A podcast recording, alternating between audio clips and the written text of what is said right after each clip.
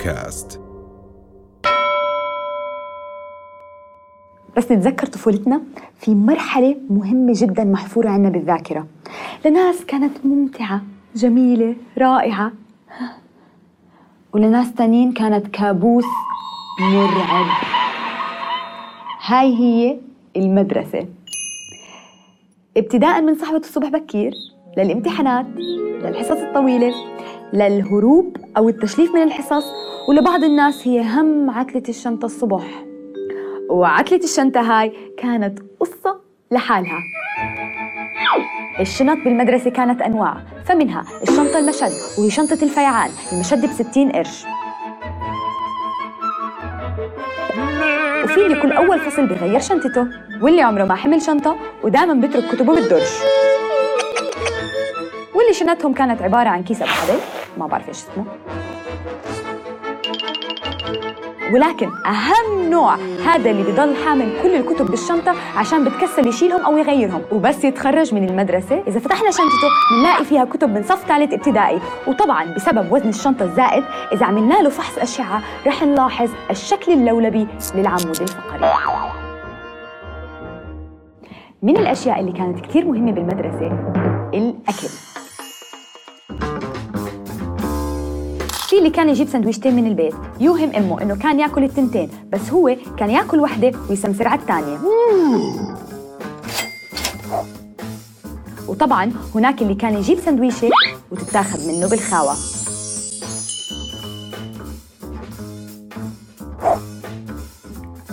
وهناك اللي كان يجي بدون سندويشة ويصلبت على سندويشات الثانيين ومقضيها ماكل شارب نايم. ببلاش.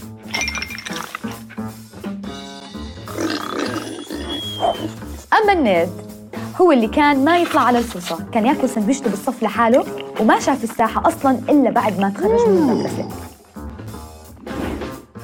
أما بالنسبة لبعض الناس كانت السندويشة بالنسبة لهم عبارة عن جزء من الأناقة العامة موجود في علبة بلاستيك وبسموها صندوق الغذاء أو ال lunch box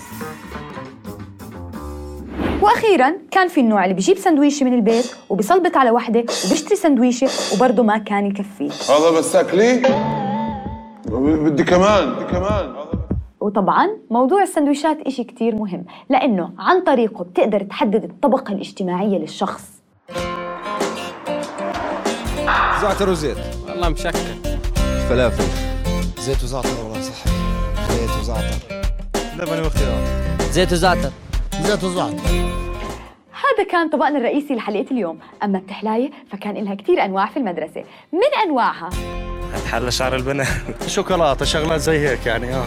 بسكوت مع شوكليت هذا بيكون ويفر فواكه حبة تفاحة. عسلية. من الأشياء اللي كانت مهمة في المدرسة القرطاسية. ومن القرطاسية كان في علبة الهندسة. وهي عبارة عن علبة حديد تحتوي على بعض الأدوات التي تستخدم شتى الاستخدامات. مثلا الفرجار. والفرجار من أهم استخداماته إنه نحفر فيه الدرج عشان نلعب جلود. واستخدام ثاني له كان إنه نحفر فيه أسمائنا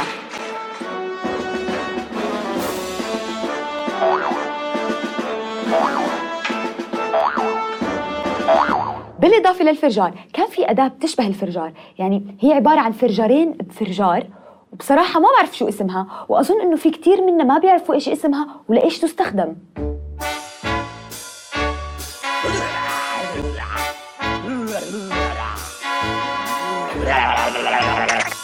وطبعا في له استخدامات أخرى لا مجال لذكرها الآن. غير العلبة الهندسية من أهم القرطاسية اللي كان عنا إياها البرايات تحديداً البراية الحديد اللي كنا نسميها براية بوازية.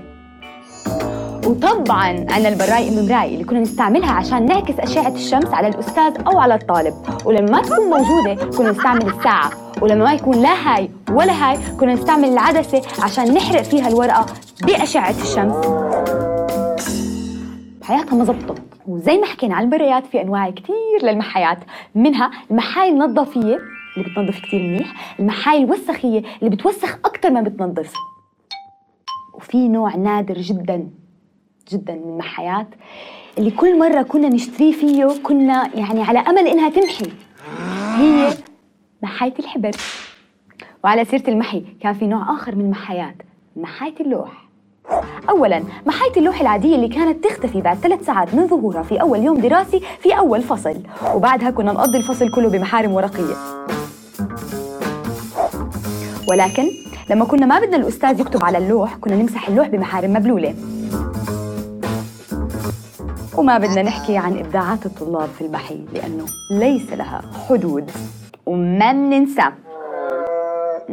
الخمس دقايق اللي كانت بين الحصص لأنها كانت تتحول لحصة موسيقى وفي بعض الأحيان رقص شرقي.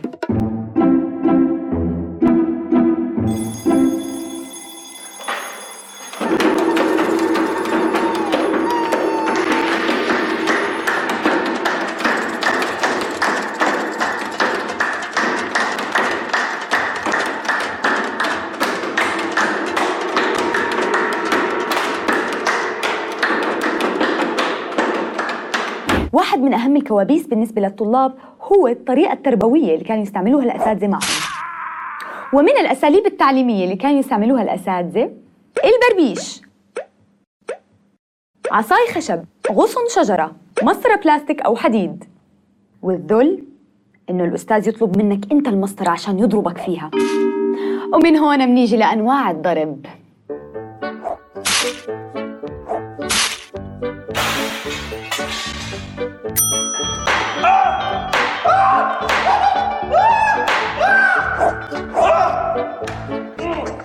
أهم يوم في حياتنا الدراسية كان يوم حصة التشريح. مادة الأحياء الصف الثامن. لما كنا نجيب أرنب أو ضفدع عشان نشرحهم.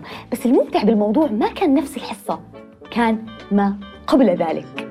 السؤال الذي يتطلب إجابة. إيش بصير بالأرنب بعد ما يتشرح؟